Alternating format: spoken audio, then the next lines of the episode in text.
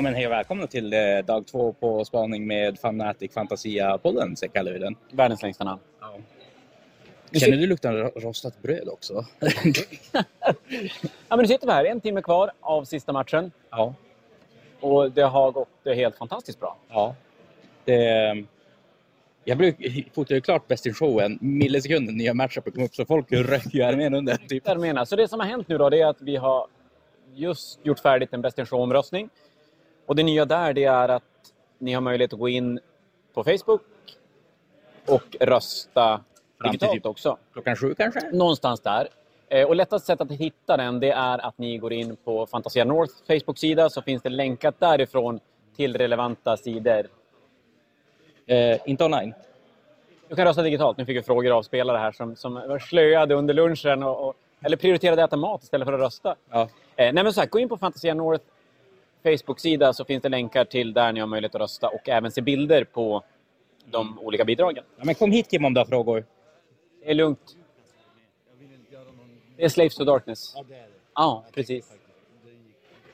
Så, då fick Slaves to Darkness en extra röst. Ja, så är det. Eh, annars så är det sista rundan. Age of Sigmar är det väl...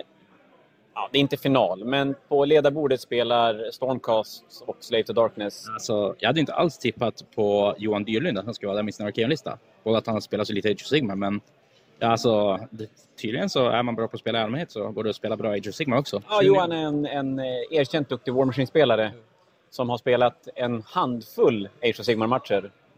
Och spelar nu final mot eh, Alexis Stormcast-armé. Alexis är en lokal Umeå-förmåga. Och de har 40, se- nej, förlåt, 68 och 67 poäng respektive. Sen har vi Tore Myrs Daughter of Cain på 65 och sen har vi en till Stormcast med Per Sigvallius på 65 också. Jag tror Tore har dock redan spelat sin match så han har inte någon chans att gå Han har redan ja, men det har han. Det har gått fort där. Då eh, 20-0 Jesper. Så egentligen, då, då är det alltså Stormcast, Alexis Stormcast, Johan Slave to Darkness och Per Segvallius Stormcast som äh, är relevanta för Ja, toppen. Anton har mycket poäng för Anton har slut. 54, så Lite för lite. lite fattigt för att hinna ta sig ikapp. Kanske man väger 20-0 och de skulle spela ganska jämnt, men jag tror att matchen... Nej, för 68, då har Alexis 78. Eh, Nej, då går det ju så inte. att det går inte. Utan det är någon av de tre som kommer att göra upp om toppen. Så att vi, vi kommer att se antingen en Stormcast eller en Slave to Darkness som vinnare av Fnatic. Slaves to Darkness är ju den som är alltså, skrällen. Men Stormcast-spelaren tycker jag ändå hör hemma där med hur arg nya boken är.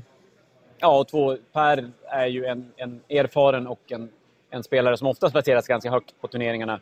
Alexis har spelat väldigt, väldigt mycket på sista tiden och sakta men säkert gjort bättre och bättre resultat. Och det, det är klart, han har spelat Stormcast ganska länge, så han har ju inte haft en armébok som har hjälpt honom på traven direkt. Nej, men eh, det är ju för sig samma sak för eh, alla andra nu också med just Stormcast-boken. Att ingen vet riktigt vad man förväntar sig att möta. Alltså nu får han väldigt mycket hjälp istället. Och det har gått bra, så att jag tror att det är en kombination av att kanske Jo. Att ha grindat en armé och sen kommer den boken och helt plötsligt så får man lite gratis, men man har ändå spelat armén mycket och, och, och kan göra bra ifrån sig därifrån. Däremot är väl det största klagomålet jag fått det här med att det inte finns någon FAQ, att Stormcast Translocate, att man får gå efter man har teleporterat. Det är som väldigt unik förmåga i Ja. Sigmar, men Och det, är väl nackdelen, men det känns ändå som att ny, två nya böcker till en ny edition som ändå har släppts så kan vi kanske inte riktigt göra annat än att godkänna. och reglerna är tydliga att det står att man, Ja, man får gå. ja men då, då är det ju inget snack. På 40K-sidan, där är det mer ren final faktiskt. Mm. Och där har vi en, en ren final mellan eh, Tim Nordins Dark Angel och Rickard Nilssons Admec Ja, som streamas just nu faktiskt. på Fantasia North Twitch-kanal. Ja. Eh, Där har Tim har 71 poäng och Rickard har 70 poäng. Så Mm. det är vem som vinner det helt enkelt. Ja, jag har hört lite om att... Jag har inte sett matchen själv nu. Jag har suttit i sekretariatet och, och styrt med Best in Show-omröstning. Men det lät som att Rickards Admec... Eh, det går bra. Jo, när jag kollade så hade Tim dedikerat med mycket av sina Dark Angels för att gå in och skjuta bort saker, men det kändes som att inte supermycket mekaniker ändå försvann. Och Nej, och det, det är ju en dröm, drömmatcha för, för Rickard att möta en, en jättestjärna med, med Black Knights. Och de skjuter ju så fantastiskt mycket så att det är ju... Ja, men det är bara bra. Och sen, sen har vi på tredje plats har vi Grey Knights Jonas Hed- Hedlén på 69 poäng. Mm. Eh, Som är färdigspelad. Förlåt, han är färdigspelad med 69 poäng. ja, Så Kristoffer Wikner har 60 poäng, kan komma upp i 80 poäng, men det räcker ju inte då för att ta sig förbi en. nej, väldigt hård lista dock. Den, Det är ju så här Ja. speedfreaks med bilar och grejer. Och det, Det vi ska säga på 40K-sidan också, hade, tyvärr hade vi en, en dropp efter dag ett. ja. Där Micke Segerlund låg tvåa, en poäng efter Tim. Och var parad för att spela mot Tim. Men har blivit sjuk under natten och inte kunnat komma och spela. Ja. Så att, eh, det, det stökar till lite i toppen, men eh, det, det blir ändå en fair röstning. Nu ska jag göra en teoruling. Låt höra. Eh, anta... Jag säger nej. Okej då. Ja, Okej, då det. Eh, men eh, command-rerollen. Får man använda den för att rerolla antal damage på Mortal Wounds? Typ en fordon sprängs. Märk väl att det inte är damage, det är hur många mortal wounds tar. Nej, det får ni inte göra. När det är bara... damage, det, damage. ja. Precis. Så att till exempel smiten får du inte rerolla. Ja. Till exempel. En föregående Theo Ruling, när eh, han säger att... eh, När, man- när, vet du, Ja, just det. Det där med fight loss narkonen. Precis, fight loss interaktionen. Eh, det finns, jag ser inte att det finns en chans att han får slå två gånger innan jag har slå- slagits.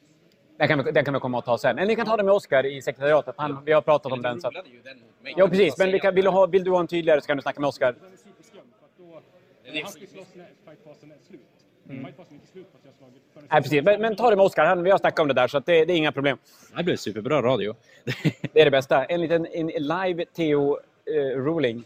Nej, men så ser det väl ut. Att det, det ser ut som att Admec inte helt förvånade kommer, kommer att plocka en 40 på Jag tror ändå sidan. att Micke hade ju ändå byggt sin Eldar-lista ganska rejält för att kunna ta och stötta på alltså, den här typen av Ja, mekanikerlista. Tim- Timsa är ju ingen bra matchup för, för uh, Admec. Och Mickes mycket indirekt skytte med, från Eldar med Drukari backup hade varit en, en bättre, en, en jämnare finalfight. Jo, men alltså, som sagt, alltså, jag kan ju verkligen säga det, att han försöker verkligen plocka typ...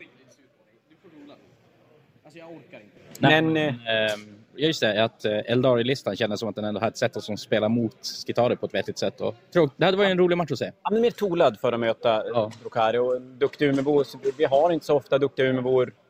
Nej, det där lät inget bra. Vi har inte så ofta Umebor som placerar sig högt upp på Fanatiken. Och, och jag tror att det här var första gången på väldigt länge vi hade någon som hade en, en, en bra chans att placera sig högt. Ja. Men sånt är livet. Eh, Det, det, det händer saker. Han får ta nya tag till nästa Fanatic-ställe. Mm. Nej, men annars är det väl så att vi eh, går in och röstar på Best in Show.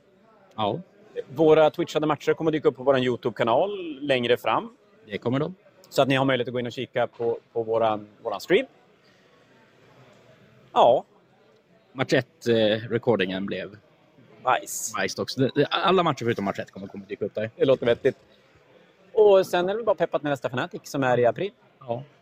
Vi kommer ha mycket content fram till dess i både poddväg och kanal, YouTube-kanalväg. kanske blir också någonting nu i januari nere i Stockholm för Fnatic.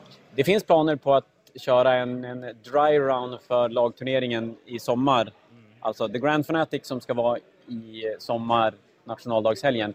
Tanken är att vi ska försöka köra en, en singelturnering två dagars någon gång i början på februari i samma lokaler i Bålsta för att testa lite grann hur det funkar. Ja. Så håll ögonen öppna både på Fantasia North kanaler och Asylum War Gamings kanaler för att få mer information om det direkt vi har, har lyckats spika datum. Så ja, det är väl dags Svinbra. att packa ihop snart. Och Ja, vi ska väl eh, rola de sista eh, frågorna och eh, räkna lite fairplay-röster och sen eh, börja städa. Så Vi hörs i veckan. Någonting. Hej då!